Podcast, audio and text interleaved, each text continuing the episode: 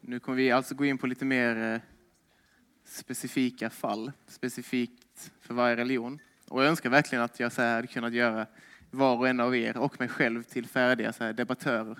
Ge en djup inblick i vad alla tänker och tycker. Men jag tror ni förstår att det inte är möjligt.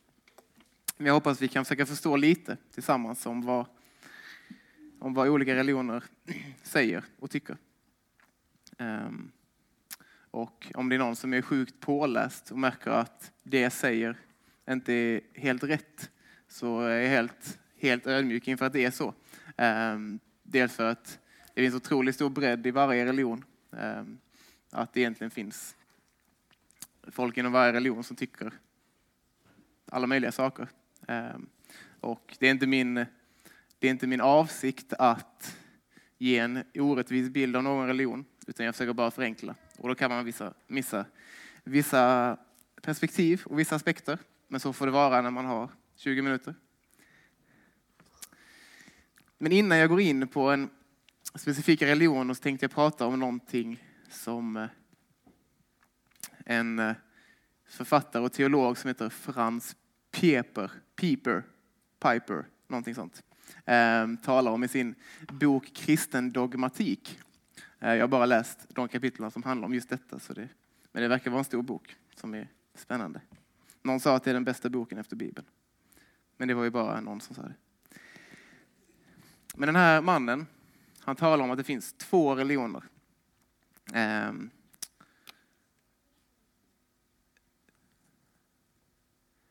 Och de religionerna är det jättestora skillnader mellan. Det finns två religioner som skiljer sig fundamentalt, som egentligen inte har någonting som är väsentligt, väsentligt lika. Och den första religionen är lagens religion. Ehm, och jag var, jag var inne och nosade lite på det i eh, vissa delar nyss, att när, och det tror vi som kristna, de flesta av oss i alla fall, ehm, att alla andra religioner är skapade av människor. Antingen är de tolkningar av, kanske tolkningar av liksom Guds uppenbarelse och Jesus som skiljer sig väsentligt från kristendomen så att det har blivit en annan religion. Eller så är det människors egna liksom, påhitt. Och jag ska inte vara elak och säga påhitt, för det kan vara liksom, tolkningar av verkligheten man lever i och så. Men vi tror ändå det att människor har skapat alla andra religioner än, den, än, än kristendomen. Och de religionerna blir lagens religion. Lagen alltså som i att vi ska göra någonting för att vi ska få komma till Gud. Eller till nirvana. Eller till vad vi än vill. Liksom. Våra gärningar spelar roll. Det är genom våra gärningar som vi når lycka. Och det låter egentligen inte helt dumt när man säger det så. Så länge man är snäll blir man glad. Ish. Men det är inte riktigt så enkelt. För lagens religion, som är skapad av människor, har som liksom mål att blidka Gud, eller blidka gudarna, liksom att inte göra dem arga. Ni som har eh, läst eller sett på filmer som är inspirerade av det, till exempel asatro och grekisk mytologi och egyptisk mytologi och så här, vet att det är den bilden människor genom alla tider har haft på gudarna, att gudarna är liksom varelser som svävar runt, som liknar människor fast ändå inte och som ibland inte har någon kontroll över sina känslor och ibland gör lite vad de vill. Typ som kan likna någon dokusåpa. Liksom. Och att, det, liksom, att vi människor ska så här eh, göra dem till freds genom att vara snälla. Och den typen av religionen, den typen av filosofi, den leder till ångest, den leder till rädsla, den leder till ständig ovisshet om vi är tillräckliga eller inte. Den leder till hopplöshet och till självrättfärdigande. Antingen leder det till att vi går ner oss så djupt i att vi inte är tillräckliga så att vi liksom kanske inte vill leva. Eller så måste vi ljuga för oss själva så att vi tror att vi är liksom de bästa och att vi stöter bort verkligheten där vi faktiskt kanske inte alltid gör rätt.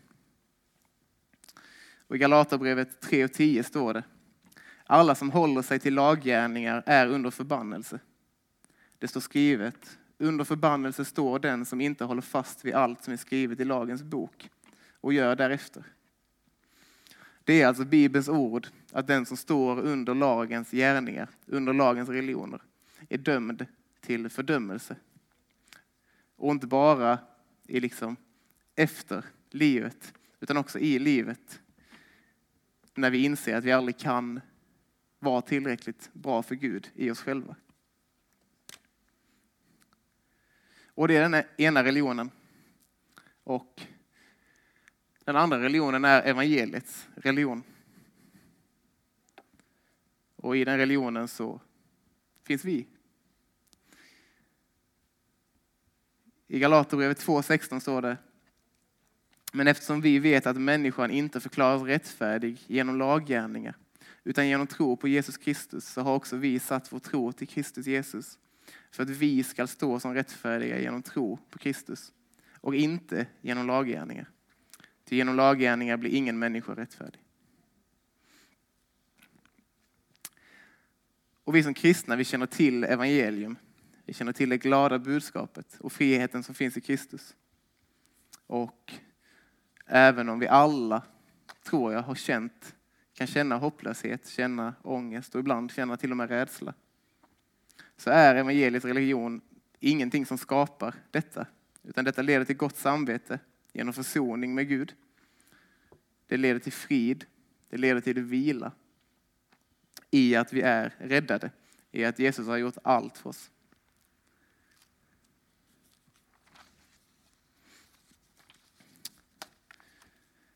Och som ni förstår så är inte detta några liksom så här allmänna definitioner av religion som alla skriver under på, utan detta är under ett, eller utifrån ett kristet perspektiv. Ehm.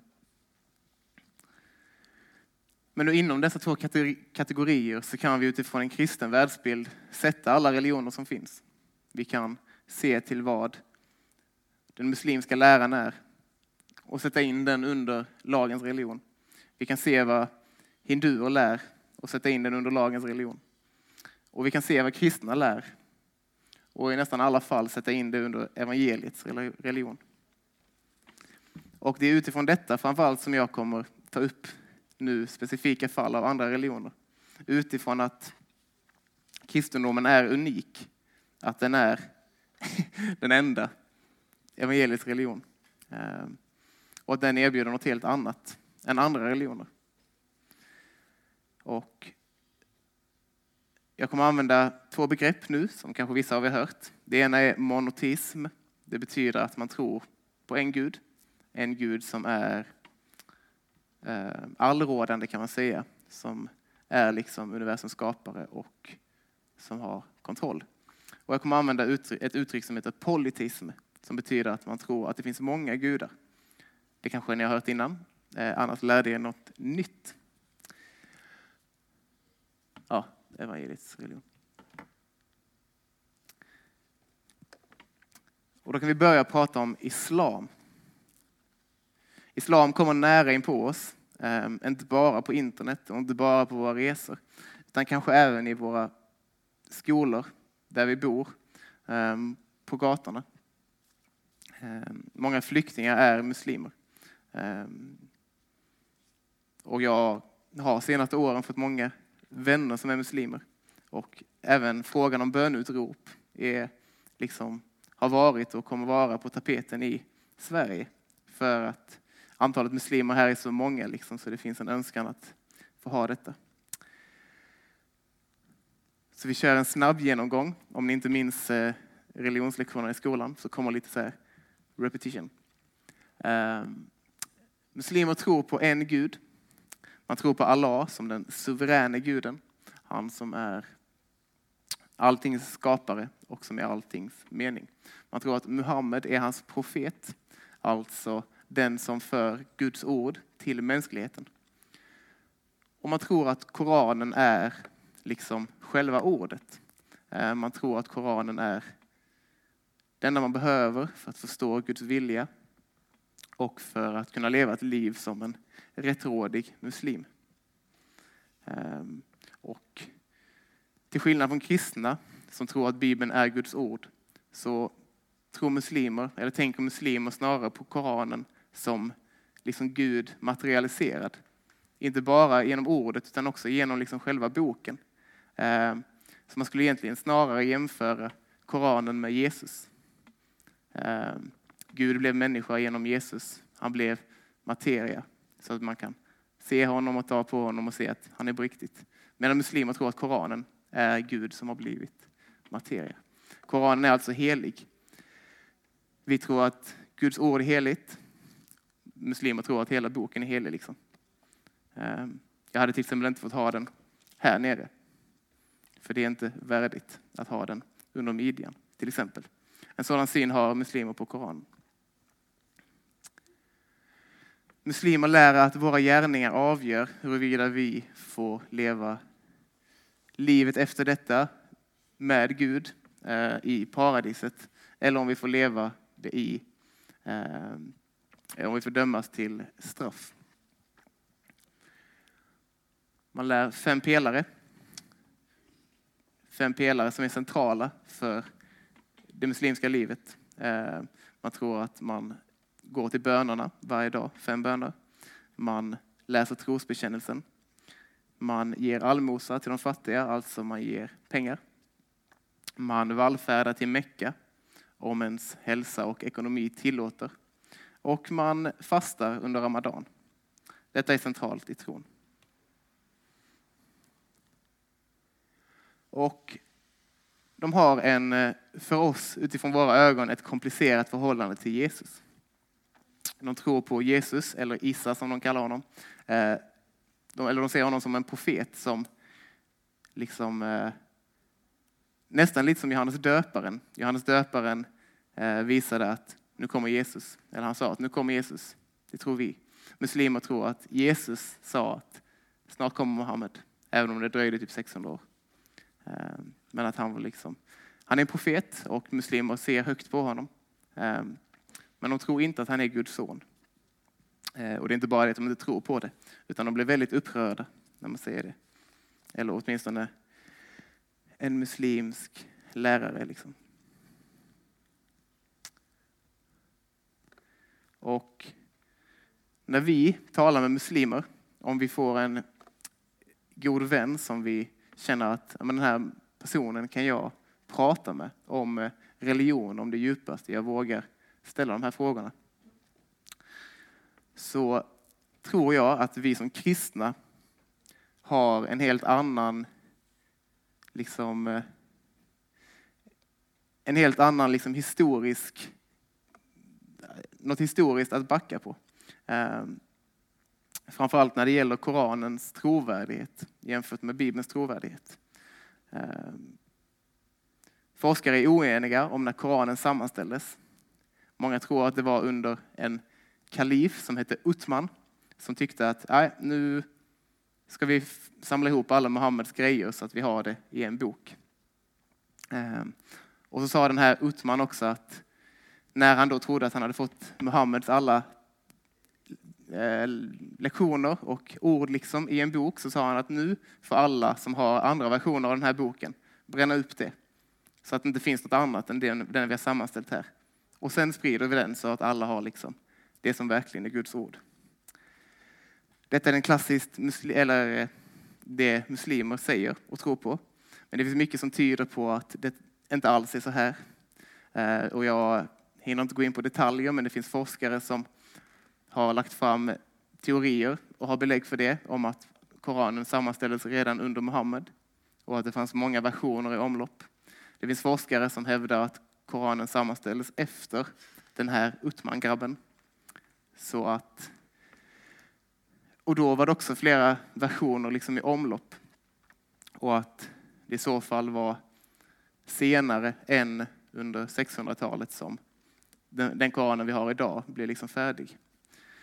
Och muslimer har också många andra skrifter som de använder liksom som uppbyggelselitteratur kan man säga. Och i de skrifterna kan man till exempel hitta någon eh, gammal imam som citerar en koranvers som inte är med i Koranen. Eh, och lite sådana grejer. Man har hittat arkeologiska fynd som har varit korantexter. Liksom att det inte varit något tvivel om att detta ska ha varit en del av Koranen. Men man har sett att de finns inte heller i Koranen. Eller att det åtminstone är eh, små skillnader i språket till exempel. Det är en ganska big deal för muslimer, för det är inte bara själva det man får med sig av ordet som är det viktiga, utan varje ord är heligt. Så om någon skulle använda liksom en synonym till originalet så hade det varit katastrof. För då hade det inte varit Guds ord. Liksom. Bra fråga. Ehm, många av dem gör helst inget alls. Att man inte översätter det. Men det har såklart, speciellt senaste århundradet, förändrats mycket. För att det finns liksom marockaner och britter och amerikaner liksom och australiensare som vill vara muslimer eh, och inte kan lära sig arabiska. Ehm, så de flesta, ehm, de flesta har väl fått en mer liberal inställning till det. Men egentligen så ser man på icke-arabiska koranböcker som ogiltiga. För Guds ord kommer på arabiska. Liksom. Och det har också mycket att göra med att Koranen inte bara är kloka ord. Egentligen inte alls kloka ord i första hand. Utan att Koranen framför allt är liksom något som är vackert att läsa. Eh, man har liksom olika, det är liksom som superstjärnor typ som läser Koranen. Till exempel vid bönutrop eller i radio eller i tv. Liksom. Och de som läser dem vackrast, är liksom mer, det är mer värt. För då väcker det en eh, längtan efter Gud i människan. Så det är liksom ett stort estetiskt värde i det ur en muslims perspektiv. Och därför vill man inte översätta dem egentligen. Så det är ju en, eh, det är också en problematik. Ehm. Som jag sa så, tack för frågan förresten. Jättebra fråga. Ehm, det finns många hål för koranforskare, som mig själv, ehm, Ehm, att fylla för att kunna säga att vi vet att det är så här ur ett historiskt perspektiv. Ehm, och framför allt så är det svårt för en, någon med en klassisk muslimsk tolkning att fylla de hålen som de själva gör anspråk eh, på. Liksom. Eller det de gör anspråk på är fullt av hål som det är svårt att fylla. Ehm, det finns liksom inte, det finns inte mycket som tyder på att det faktiskt är så det har gått till, som en muslim skulle hävda. I liksom Koranens sammanställning och i vad som är den rätta versionen och så. Man kan också diskutera, detta är inte jag så bra på, men man kan diskutera vem Muhammed var. Har han egentligen funnits? Det finns mycket tvivel kring detta. Man kan också diskutera vad vad det finns för liksom, trovärdighet i källor som finns som framställer Muhammed på ett väldigt eh, inte så bra sätt.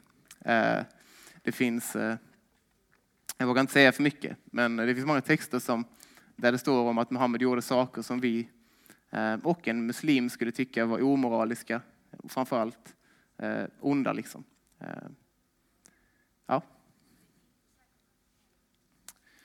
Det är inte säkert. Och ur ett liksom historieforskningsperspektiv så måste man ju kunna bevisa det på ett tydligt sätt. Och det är inte helt lätt.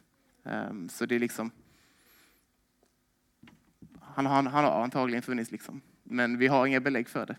Och det svider nog för en muslim. Ehm.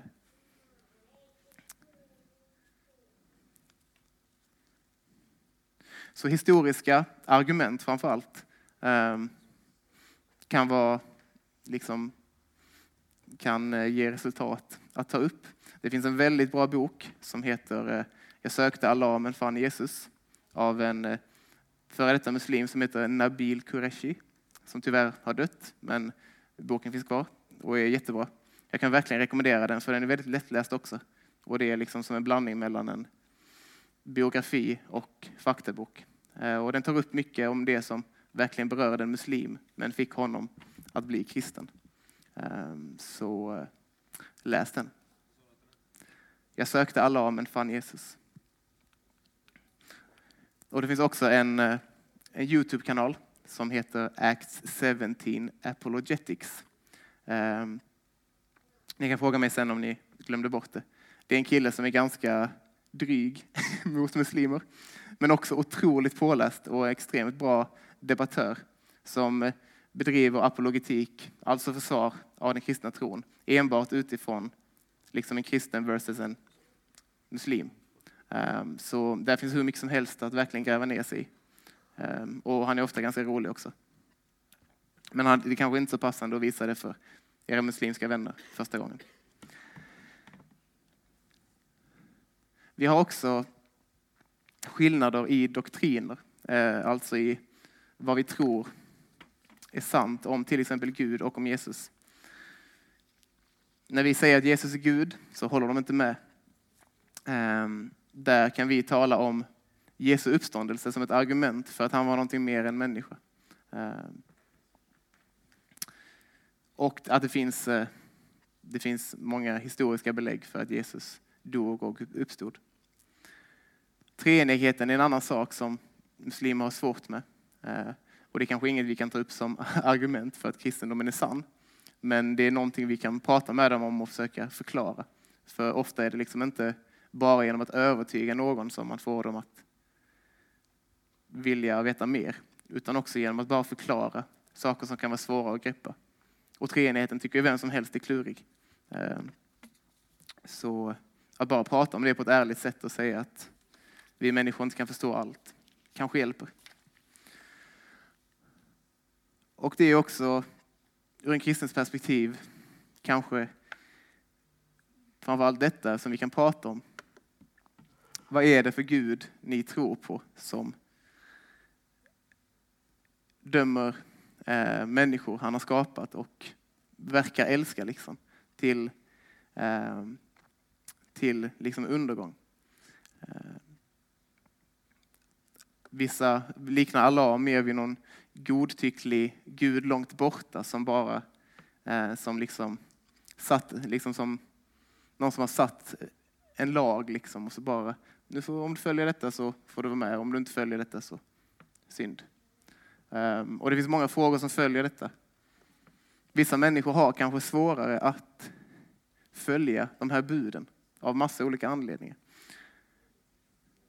Andra människor kanske levt i bortvändelse hela sitt liv blir, vänder om till islam när de liksom är gamla och hinner inte fylla på sin tank av goda gärningar och blir också dömda till fördömelse. Liksom. Eh, och Koranen är också full av, det får man verkligen eh, poängtera, att Koranen är full av eh, verser om att Gud är förlåtande. Gud är, jag vet inte om de använder nåd, men det, Gud är barmhärtig. är de väldigt tydliga med. Och liksom så här, Även om någonting dumt har hänt, även om vi råkade be i fel riktning till exempel. Om vi råkade be åt, inte mot Mecka till exempel, så är Gud förlåtande och förstående och älskar människorna. Så det är en svår och spännande fråga. Men det är klart och tydligt att islam ändå skulle falla under lagens religion. Eh, och en religion som väcker liksom, kanske oro hos dess utövare. Oj, nu har jag verkligen gett islam för mycket plats. Det var inte meningen. Och vi som kristna, vi läser att Gud gav, utgav sin enfödde son för att var och en som tror på honom inte ska gå förlorade, utan ha evigt liv. Detta är kanske det som främst skiljer kristendom från islam. Att vi har en Gud som har stigit ner hit för att rädda oss. Ehm, medan Muhammed på sin höjd gav en bok. Vi ska prata lite om buddhism också. Jag tror vi har en kvart kvar, så det är ju kanske lagom. Och vi har kanske inte så många rena buddhister i Sverige, men det är onekligen en religion slash livsfilosofi som har fått mycket plats, oavsett om man är medveten om det eller inte. Ehm, österländsk vishetslära är ofta väldigt inspirerad av buddhism och dess lära om till exempel frid, om att liksom inte vara bunden av sina begär. Och detta är någonting som har fått under lång tid, tror jag. Jag har inte levt så länge, men eh, det känns liksom som att det ändå har varit en del av svensk, svenskheten länge. Att man eh, går på yoga, man mediterar, man längtar efter frid. Liksom. Man, åker till, man åker till Nepal och söker upp tempel och träffar munkar. Liksom. Ehm, jag har en kompis som gjorde det, så det var därför jag tog det exemplet. Buddhism är eh, inte en religion som tror på gudar. Det finns ingen gud inom buddhismen. Ehm, Buddha, enligt de flesta historiska dokumenten så föddes Buddha i ett Nepal som var helt, eh, där alla var hinduer. Men Buddha tyckte framförallt inte om kastsystemet. Ehm, jag ska nämna det senare när vi kommer in på hinduismen. Men han tyckte inte om kastsystemet och han hade lite andra problem med eh, hinduiska läror. Så han gick iväg till ett annat ställe och så mediterade han i 49 dagar. Och sen så kom han på att så här, nu vet jag hur vi ska leva allihopa. Eh, och den buddhistiska livssynen är cyklisk, alltså en cirkel, till skillnad från den kristna som man ändå skulle säga är linjär. Liksom. Kristna föds, kristna dör och sen så lever vi liksom i evighet. Men buddister föds och dör och föds och dör och föds och dör. Ända tills de levt så många goda liv så att de liksom kan försvinna ut i nirvana. Och nirvana är alltså buddhisters eh, parallell då till himlen. Men till skillnad från himlen som är ett som verkar vara åtminstone ett land av liksom mjölk och honung och eh, gröna ängar och göttigheter så är nirvana ett intet, ett ingenting. Så vi utlöses till en evig tillvaro av ingenting. Ish. Jag vågar inte säga för mycket om det för jag vet inte exakt. Men man tror att Buddha under sina 49 dagar av mediterande såg liksom universums verklighet. Man tror att han fick insikt om vad som verkligen är meningen med livet.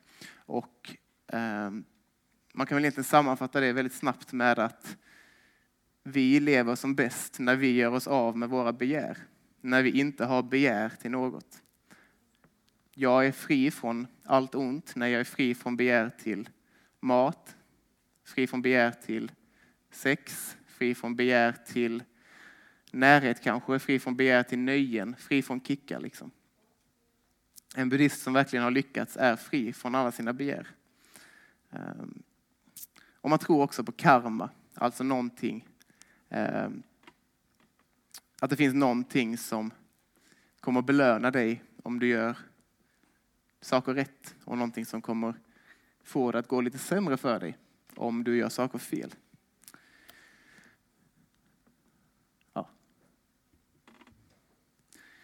Och buddhism är en individualistisk religion på alla sätt och vis. Det handlar om dig.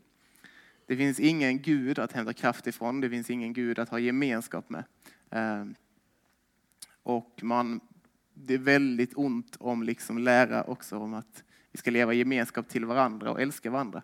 Utan framförallt uppmuntrar buddhistiska lärare oss att hitta det som finns inom oss. Frid ehm, och att vi ska liksom Ja, att kraften finns inom oss. Ish.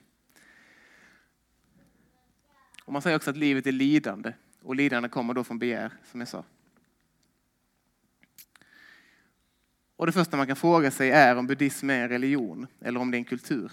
Om det är en religion eller om det är en filosofi. Ehm, och sådana definitionsfrågor behöver man liksom inte gräva för djupt i här. Men man kan fråga en buddhist om de skulle göra anspråk på en universal sanning. Alltså någonting som gäller för alla överallt. Ehm, jag vet inte vad de skulle svara på det, men jag hade velat fråga. Ehm, de tror på att vi återföds, de tror på karma. Så det finns någon typ av liksom verklighet ändå som jag egentligen inte kan förstå på något annat sätt än någon typ av Gud. Ehm, men ni får fråga dem helt enkelt. Och Det är också en religion som genom att man ska utplåna alla begär så leder det till att vi utplånar det goda. Ehm, jag såg en intervju om någon som i sin tur hade intervjuat en kvinnlig munk från Thailand eller någonting. Och så berättade hon att hon hade tre barn som var långt därifrån och ett av barnet var ganska litet. Och han bara, men vad, du är här i klostret och du träffar ju aldrig dem. Så bara, jo, jag har en bil. Och det är, munkar äger ingenting. Men hon hade en bil för att hon skulle kunna träffa sina barn. Och då var frågan liksom, varför har du begär till att träffa dina barn? Borde inte du utplåna det begäret så bara, jo, det borde jag. Och ja, Jag behöver kanske inte säga mer om det. Men ur en kristet perspektiv så är detta någonting som är ont. För när vi vet att det finns någonting gott, någonting gudagivet som är gott, så är också det någonting vi ska värna om liksom, och inte utplåna. Och buddhismen är också en religion som först och främst handlar om att vi ska tömma oss själva. Vi ska tömma oss från oro, tömma oss från begär, tömma oss från allting som liksom gör att vi mår dåligt, tills vi blir helt tomma. Liksom. Och då lever vi i någon halvsovande tillvaro liksom, där vi, ja, jag vet inte riktigt vad vi gör. Vi mår i alla fall inte dåligt, enligt en buddhist. Ehm, men som, som kristna tror vi istället på att vi blir uppfyllda. Att genom att vi blir fyllda av den heliga Ande så leder han oss till det som är gott. Istället för att vi bara ska vara helt tomma. Liksom. Um, ja. Crash course i buddhism. Det är lätt att tro också att karma är någonting kristet. Jag har hört många säga, människor säga att ja, men ni kristna tror också på karma, att era goda gärningar leder till någonting. Och det kan jag säga att det gör vi inte. Karma är något helt annat än det vi tror, än den lagen vi fick, liksom. de buden vi fick att leva efter. Ehm, så gå inte med på det, kära vänner. Nu är det verkligen bortom. Hinduism. Jag tror inte vi har så många hinduister i Sverige, några, men det är en extremt stor religion, framförallt i Indien. Ehm, och inom hinduismen så ska man ordna bra karma, precis som inom buddhismen. Man ska följa sin dharma. Och dharma är ungefär som en livsväg eller ett livskall. Ehm, och man ska komma till Brahma, som är världsalltet kan man säga. Liksom. Det någonting som styr allt. Eh, typ. Och man talar alltså om ett världsallt, Brahma, men man talar också om många gudar. Det är alltså en politistisk religion. Och man har väl räknat ungefär 3 300 000 gudar eh, hittills. Eh, jag har, hört andra, eller jag har träffat indier som säger att det finns många fler, för jag skapar gudar varje gång jag tänker en tanke eller jag gör någonting. Då finns det en gud för den här handlingen. Det finns en gud för liksom den här och den här. Och då, då handlar det liksom om någonting som, eller nej, vi skiter i det. Men det finns många gudar. Och vissa kanske tänker på kastsystem när man tänker på hinduismen. Eh, kastsystemet är ett system av att människor som föds har ett visst värde utifrån i vilket kast, alltså i vilken grupp de föds. Vilket innebär att så fort man är född, är född så har man ett värde. Liksom. Och vissa är värda mer än andra. Vissa är födda till att vara liksom, eh, lärare, eller krigare eller affärsmän. Och vissa är födda till att tvätta toaletter. Och eh, för att vara rättvis mot hinduismen så har jag förstått det som att det inte bara är hinduismen som har, gjort, som har liksom format det här kastsystemet som har varit, funnits i Indien länge. Utan att det finns andra faktorer också. Men utifrån hinduistiska läror så finns det liksom ingenting som fördömer detta, men det finns saker som stöttar ett kastsystem. Som ur ett västerländskt perspektiv, även om man är ateistisk, är helt eh, liksom, omoraliskt och oacceptabelt. Eh, och det är alltså en komplicerad historia, men det finns stöd för kastsystemet i hinduistisk, eller hinduisk litteratur. Och Inom hinduismen så är det ungefär samma mål som för en buddhist. Att vi återföds. Vår karma gör att vi återföds i högre och högre, liksom som en stege. Och till slut när vi når toppen, när vi varit en ko, och sen, för kon är den allra heligaste, och dött och varit en god ko, så kommer vi till Brahma. Ungefär som en buddhist skulle säga att vi blir till intet. Ehm, finns det någon mening med ett sådant liv? Ja, det finns ju ett mål, det finns en steg att klättra upp för. Men frågan är vad målet är. Det låter ungefär som den buddhistiska läran om att slippa livets alla lidanden. Så då är det liksom, ja, man slipper helt enkelt det. Det är målet. Um. Här kan man ställa samma fråga. Är det en religion eller kultur? För vissa hinduer så är det verkligen en religion där gudarna är aktiva och man Eh, det finns liksom en stark andlig verklighet i det. Och för andra så är det bara en kultur, någonting man gör för att det är liksom inpräntat i kulturen. Och vi kristna tror att Gud älskade världen, att han skapade den just därför. Det skulle nog ingen hindu säga. Utan det är ett typiskt exempel på det här med politism där det finns många gudar som um, verkar vara helt vilda och inte har någon kontroll över sig själva ibland. Som kan straffa och som kan skada och som kan belöna och som kan göra liksom allt möjligt.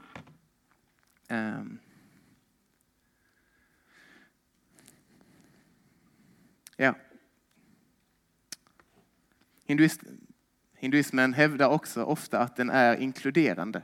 Att den är liksom en religion som inte exkluderar någon för att det finns gudar för alla och det finns liksom eh, man, man måste liksom inte bestämma sig för någonting utan alla får vara med. Det är typiskt sånt som vi här i Sverige gillar. Ehm, men det är inte sant.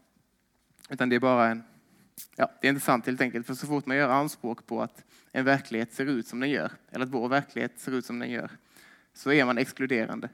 Då har man stött bort alla andra möjligheter och säger att eller det finns ändå liksom ramar inom hinduismen som man måste följa. Ehm, så gå inte på den lögnen heller. Och hinduismen är inte heller på något sätt vetenskapligt underbyggd. Eh, och det är inte kristendomen på alla områden, men på alla områden där det går att undersöka vetenskapligt så har kristendomen mycket att backa upp med. Men det har inte hinduismen. Jag hade tänkt prata om new age också, och vi gör det på fem sekunder. Eh, new age är en våg av andlighet som är typ som att man tar alla religioner, kokar ner dem i en soppa, blandar och sen kör. Liksom. Ehm, det är alla religioner och det är ingen religion. Den har människan i fokus, som buddhismen. Andevärlden är i högsta grad inblandad. Alltså den andevärld vi som kristna känner som liksom onda andar. Ehm, man söker andliga... Genom olika ritualer söker man liksom andar. Ehm, ja. Ni kan läsa på mer om ni vill veta mer. Och en typisk förvirring är att man pratar om Christ consciousness, att det är ett mål att bli som Kristus. Och det låter ju jättebra. Eh, men det är verkligen en stor förvirring. Ehm, man har liksom gått och hijackat vår, vår Jesus liksom och använt honom som något jättekonstigt. Eh, som någon typ av förebild inom meditation. Liksom. Och det handlar verkligen fortfarande bara om människan inom new age. Eh, om att vi ska nå vår andliga verklighet. Liksom. Ehm, så om ni någon gång hör att new age är typ kristet, så säg no. Man kan tala om Bibeln med en new ageare, använda Bibelns anspråk, till exempel att Jesus är vägen, sanningen och livet, ehm, för att gå emot deras lära. Man kan be, när vi tror att den andliga eller att andar är inblandade, så gör vår bön stor skillnad. För vi är fyllda av den heliga ande. Och där gör det verkligen skillnad på riktigt. Vi får be för människor vi vet håller på med new age. Vi får be om vi ser någon hålla på med det. För i den andliga verklighet vi tror på som kristna så gör det skillnad. Eh, jag hinner inte läsa detta, men det står eh, att new age är dåligt.